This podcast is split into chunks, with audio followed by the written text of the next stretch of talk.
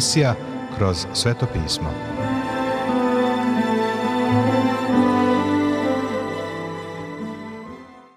Dobroveče, poštovani slušaoci i dobrodošli u još jednu emisiju programa Kroz sveto pismo, programa koji je za vas napisao Vernon McGee, a pročitao Branko Bjelajac. Želimo vam prijetno i blagoslovljeno slušanje.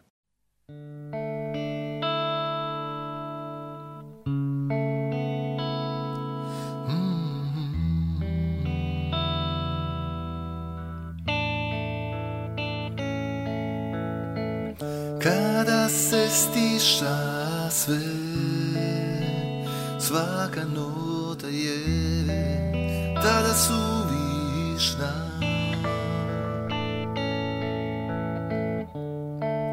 Tebi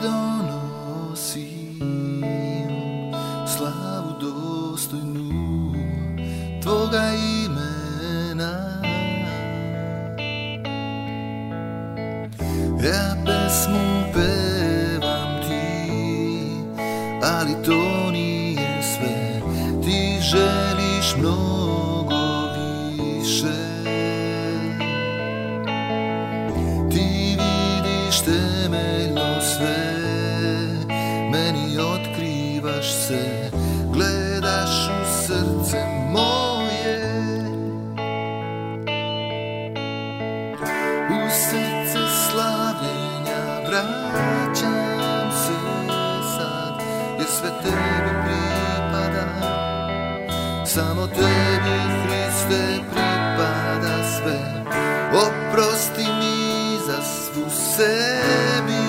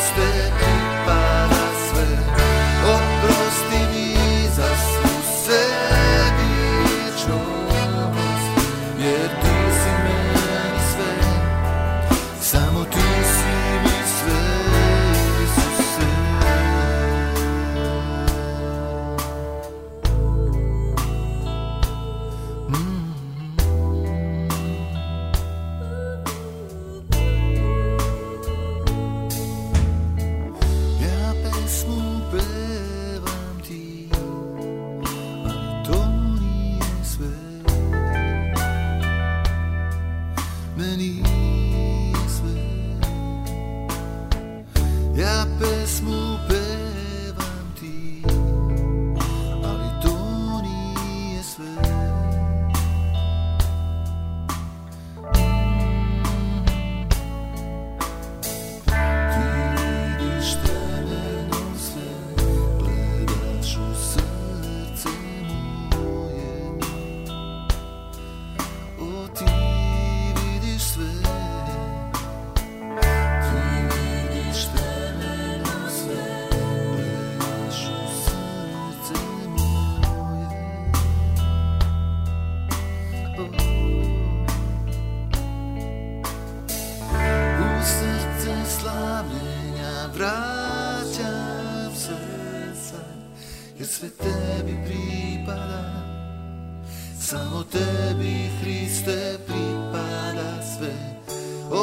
mi za svu sebičnost Jer ti si meni sve, samo ti si mi sve Hriste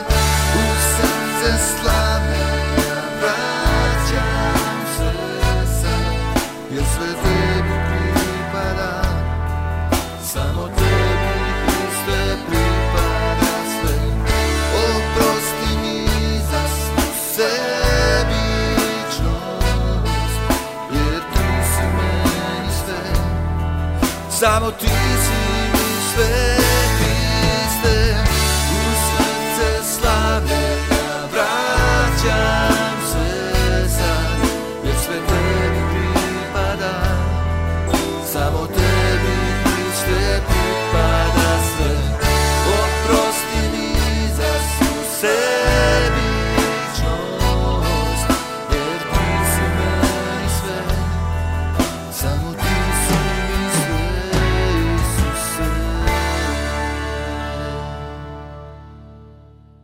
Današnje proučavanje Svetoga pisma nastavljamo u Svetom pismu Staroga Zaveta. U knjizi proroka Jeremije u 18. poglavlju i dalje razmatramo prvih šest stihova i temu o lončaru i glini. Kad je Mojsije molio Boga i raspravljao se sa njim, Bog mu je rekao Mojsije, slušat ću te, ali ne zato što si ti Mojsije, nego zato što ja dajem milost. To je razlog zbog kojeg je Bog saslušao Mojsija. Bog nije u obavezi da spase jednog čoveka. Bog je slobodan da postupa kako hoće. On je pravedan i svet. Ovaj svet je izgubljen, Mogao bi takav i da ostane i niko ne bi mogao da postavi pitanje u vezi sa tim. Sada pogledajmo drugu stranu medalje. Hajde da razgovaramo o moći gline i ličnosti lončara. To je druga strana. I pokvari se u ruci lončaru sud koji građaše od kala, pa načini iznova od njega drugi sud, kako beše volja lončaru da načini. Ovdje postoji ne samo princip da je Bog suveren, nego i svrha svega toga. Moć gline Pogledajmo sada moć gline. Ta glina je na lončarevom točku. Točak je točak okolnosti. To je tako. Ne verujem da se velike životne odluke donose u svetinji u crkvi. Verujem da se donose u svakodnevnom poslu, u kancelariji, u školi, u radionici, na životnim raskrsnicama, tamo gde lončar radi sa glinom. To je mesto na kome on radi sa tobom, prijatelju. Ti i ja živimo u svetu koji kao da nema nikakvog smisla ni cilja mnoštvo naroda ne vidi nikakav smisao života i na svakom koraku nailazi na zbrku. Na trenutak podigni pogled sa lončarevog točka. Iza njega je polica za umetnička dela. Ti lepi predmeti su nekada bili na lončarevom točku kao glina. Glina koja se prodavala i predavala lončarevim rukama. Jednom su svi ti sudovi bili bezoblična gomila blata. Šta se desilo? Beživotna glina dospela je pod ruke lončara i on ju je umesio i od nje činio sudove koji sada stoje izloženi. Pregled knjige proroka Jeremije za naš radio program Pisao sam dok smo moja supruga i ja bili u Fort Myersu na Floridi u Americi. Tu smo nekoliko dana bili u jednom apartmanu.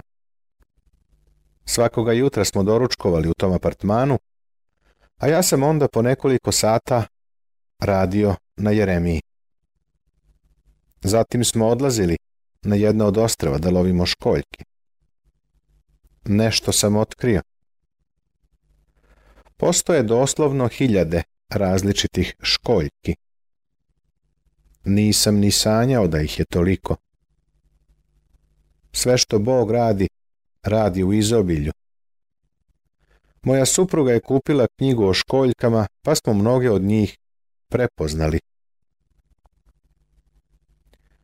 U ruci držim malu školjku koju smo našli na Sani To je divna mala školjka. Tog jutra sam obrađivao 18. poglavlje knjige proroka Jeremije i kada sam ovo pronašao, učinilo mi se da gospod želi da nam nešto kaže. Bog je počeo sa malim životinjama, tananim mekušcima, oko čijih tela je napravio oklop.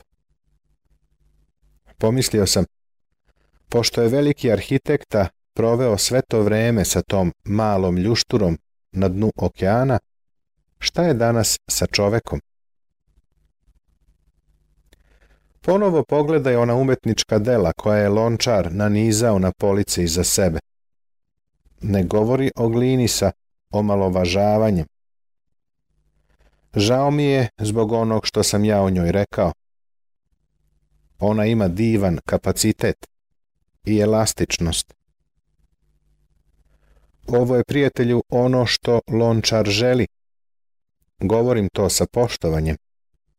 On želi glinu. Ne želi čelik, ne želi ulje, ne želi stenu. On želi glinu. Želi nešto što može da stavi u ruke i oblikuje. To njemu treba. Glina. Bog želi da radi sa ljudima. Neko će možda reći da, ali evo gde analogija prestaje. Razlika između Boga i čoveka je veća nego između lončara i gline. Ne slažem se sa tim. U stvari, Bog je mnogo bliskiji čoveku nego lončar, glini. Evo šta ja mislim. Glina na točku u lončarevoj kući, u koju nas je Jeremija odveo, nema svoju volju a ja imam. Ta glina ne može da sarađuje sa lončarom, a ja mogu. Citirao sam izveštaj o stvaranju čoveka iz prve knjige Mojsijeve. Čovek je stvoren sa razlogom. Bog je stvorio čoveka po svom obličju. Uzeo je čoveka fizički iz praha, tako ga je stvorio. Zatim je u njega dunuo dah životni, dao mu je duh života, pa je čovjek postao živa duša. Čovjek danas ima slobodnu volju i može da je koristi. Glina nema volju.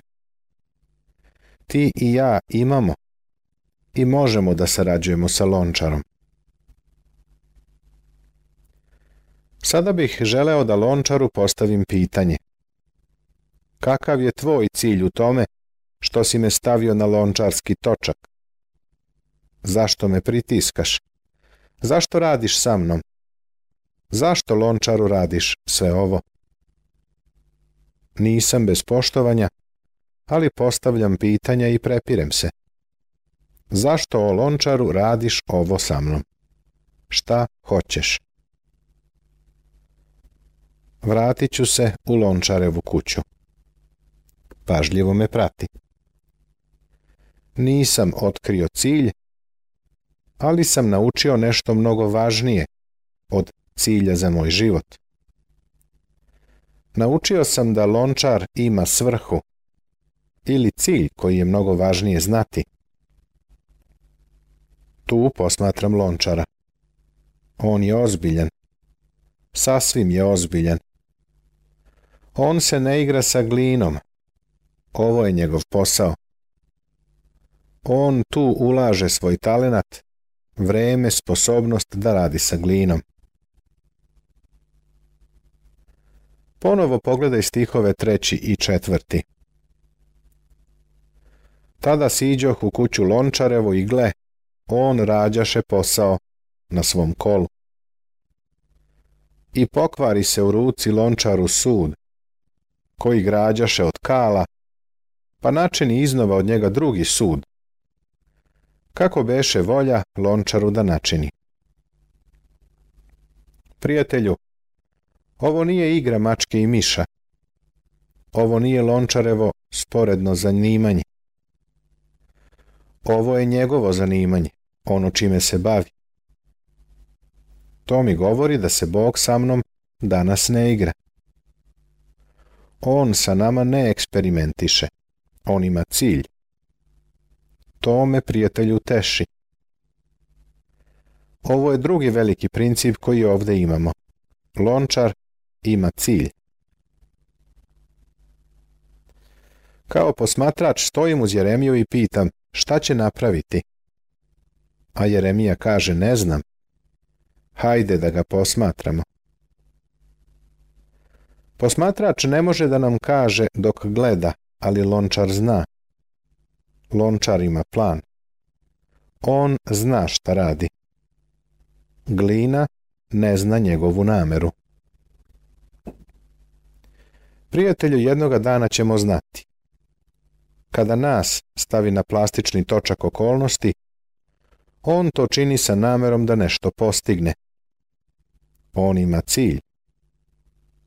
Psalmista kaže, jer Mojsiju govori, smilovat ću se na onoga prema kome imam milosti i sažalit ću se na onoga prema kome imam sažaljenja, kaže psalam 17. u 15. stihu. Jednoga dana ću biti kao on. Dragi moji, sada smo deca Božija i još se ne pokaza šta ćemo biti. Znamo da ćemo, kada se on pokaže, biti njemu slični, jer ćemo ga gledati onakvog kakav je, zapisano je u drugom stihu trećeg poglavlja, prve poslanice Jovanove, svetoga pisma Novog Zaveta. To će biti divno jutro. To će biti novi dan. Bog će biti oslobođen optužbe. On nije bio okrutan kada je dozvolio da patimo. Jednoga dana, jednog slavnog dana, vidjet ćemo da je lončar za tvoj i moj život imao cilj. Pogledaj kako Pavle piše Efescima. Svoje drugo poglavlje on započinje setnim rečima koje sam već citirao. Bog je Hristom oživeo i vas, koji ste bili mrtvi zbog svojih prestupa i grehova, kaže poslanica Efescima drugo poglavlje prvi stih. Ako je to sve, onda sam i ja završio. Ali prijatelju ima tu još. Da u budućim vekovima pokaže preveliko bogatstvo svoje blagodati. Svojom dobrotom prema nama u Hristu Isusu, ovo je također poslanica Efesima u drugom poglavlju, ali sedmi stih. U vremenima koja dolaze, mi ćemo biti pokazatelj, bit ćemo izloženi. Otkrićemo šta lončar može da uradi sa beživotnim kalom. On će primiti slavu. Divno je biti glina u luci lončara. Ličnost lončara Hajde da po završetku razmotrimo ličnost lončara. Ovo je najlepša i najvažnija stvar. Da bismo ovo uradili, moramo da bacimo još jedan, posljednji pogled na lončarevu kuću. Kažem Jeremiji, Lončar izgleda kao fini i ljubazni čovek. Jeremija odgovara, pa jeste. On ne želi da povredi glinu, nego hoće da mu se glina prepusti, jer želi da od nje nešto napravi. Zagledao sam se u lončarevo lice. Kako je usred sređen. Kako je samo zainteresovan za glinu. Kakav je samo lončar naš Bog? Samo kada bih mogao da vidim mog lončara. Filip je postavio pitanje koje bih i ja uputio. Rekao je Isusu, Gospode, pokaži nam oca i nama je dovoljno, kaže Evanđelje po Jovanu 14. poglavlje, 8. stih. A gospod Isus mu je odgovorio, ko je video mene, video je oca. Kako onda govoriš, pokaži nam oca? Prijatelju, hajde da pažljivo sada pogledamo lončara. Pogledaj lončareve noge dok pritiska pedale i okreće točak okolnosti. Vidi lončareve ruke dok vešto, predano i pažljivo, nežno i s ljubavlju radi sa glinom. Ja ga gledam. Na tim nogama su rane od eksera. Na rukama su ožiljci od eksera. I to nije sve. Otvaram Matejevo evanđelje i čitam. Tada Juda, koji ga izdade, videvši da su ga osudili, pokaja se i vrati 30 srebrnika prvo sveštenicima i starešinama govoreći greši što izdadoh nevinu krv. A oni mu rekoše, šta se to nas tiče? To je tvoja briga. Tada baci srebrnike u hram, udalji se, ode i obesi se. A prvosveštenici uzeše srebrnike i rekoše, ne valja ih metnuti u hramovnu blagajnu, jer su plata za krv. Nego se dogovoriše te kupiše za njih lončarevu njivu za groblje strancima. Zato se ona njiva do danas zove krvna njiva. Tada se ispuni što je rekao prorok Jeremija. I uzeše 30 srebrnika, cenu procenjenoga, koga proceniše sinovi Izraelovi, i dadoše ih za lončarevu njivu kako mi naredi gospod. Ovo su stihovi od 3. do 10. u 27. poglavlju Evanđelja po Mateju. Dva stiha su upadljiva. Nego se dogovoriše, te kupiše za njih lončarevu njivu za groblje strancima. Zato se ona njiva do danas zove krvna njiva. Verovatno nisu znali šta rade kada su je nazvali krvnom njivom. Ali verujem da tebi ovo ne promiče. Ovaj lončar je mnogo lepši od jednog drugog. On je svoju krv prolio da bi zašao na to polje. Uzeo one slomljene delove i sastavio ih na lončarevom točku da bi napravio drugi sud. Prošle nedelje sam razgovarao sa ženom čiji je dom srušen, a život uništen. Da li je Bog završio sa njom? Da li je završio kada u životu načinimo greške? O ne. Nije završio sa nama, ako mu se glina prepusti.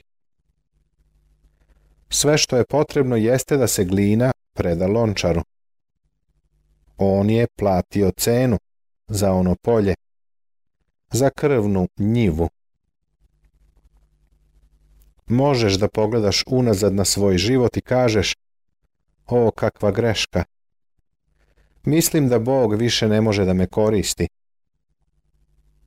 Prijatelju, on danas radi sa tim izlomljenim delovima, a radit će i sa tobom ako mu dozvoliš on je već platio kaznu za tvoje iskupljenje. Ti ne možeš ništa da uradiš od sebe za njega. Ni ja ništa ne mogu. On može da nas uzme i stavi na točak okolnosti i oblikuje u sud za čast. Mi smo kal, a on je lončar.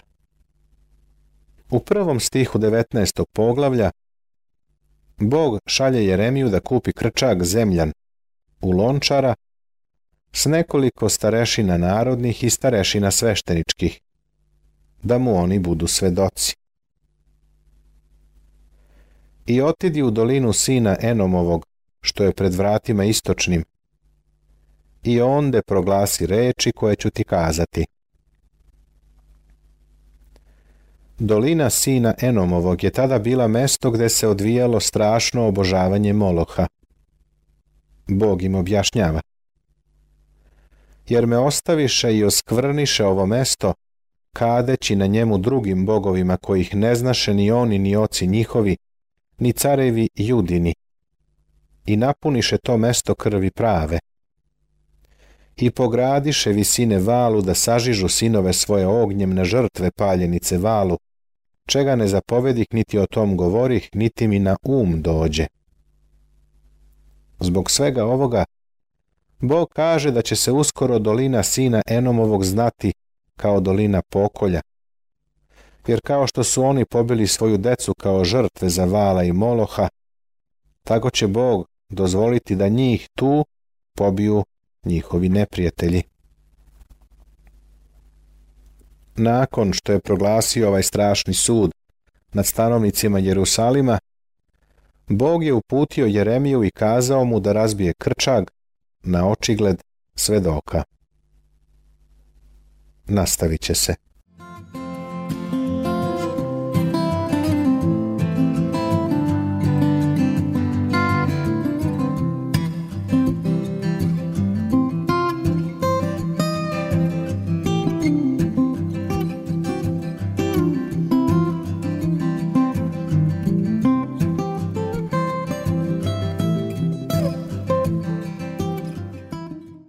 Poštovani slušaoci, završena je još jedna emisija iz serijala Kroz sveto pismo. Ovaj program možete da slušate svakog radnog dana na talasnoj dužini od 1548 kHz u vremenu od 22 sata do 22 sata i 30 minuta. Ukoliko želite da nam se javite, da nas pohvalite ili pokudite, da nam predložite izmene kojima bismo mogli da poboljšamo naš program, ali i da vas nagradimo kakvom dobrom hrišćanskom knjigom, novim zavetom ili celom Biblijom. Na raspolaganju su vam telefon, elektronska pošta ili obična pošta. Broj našeg telefona je plus 381 062 396 331.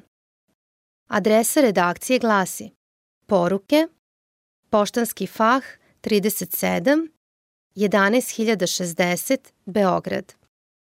Elektronskom poštom nas možete kontaktirati na krosvetopismo at gmail.com. Također pripremili smo vam i web stranicu na kojoj možete pronaći sve naše programe. Adresa web stranice je www.twr.com serbia.org. To bi za večeras sa naše strane bilo sve. Pozdravljaju vas i žele vam Boži blagoslov Branko, Nebojša i Monika. Laku noć.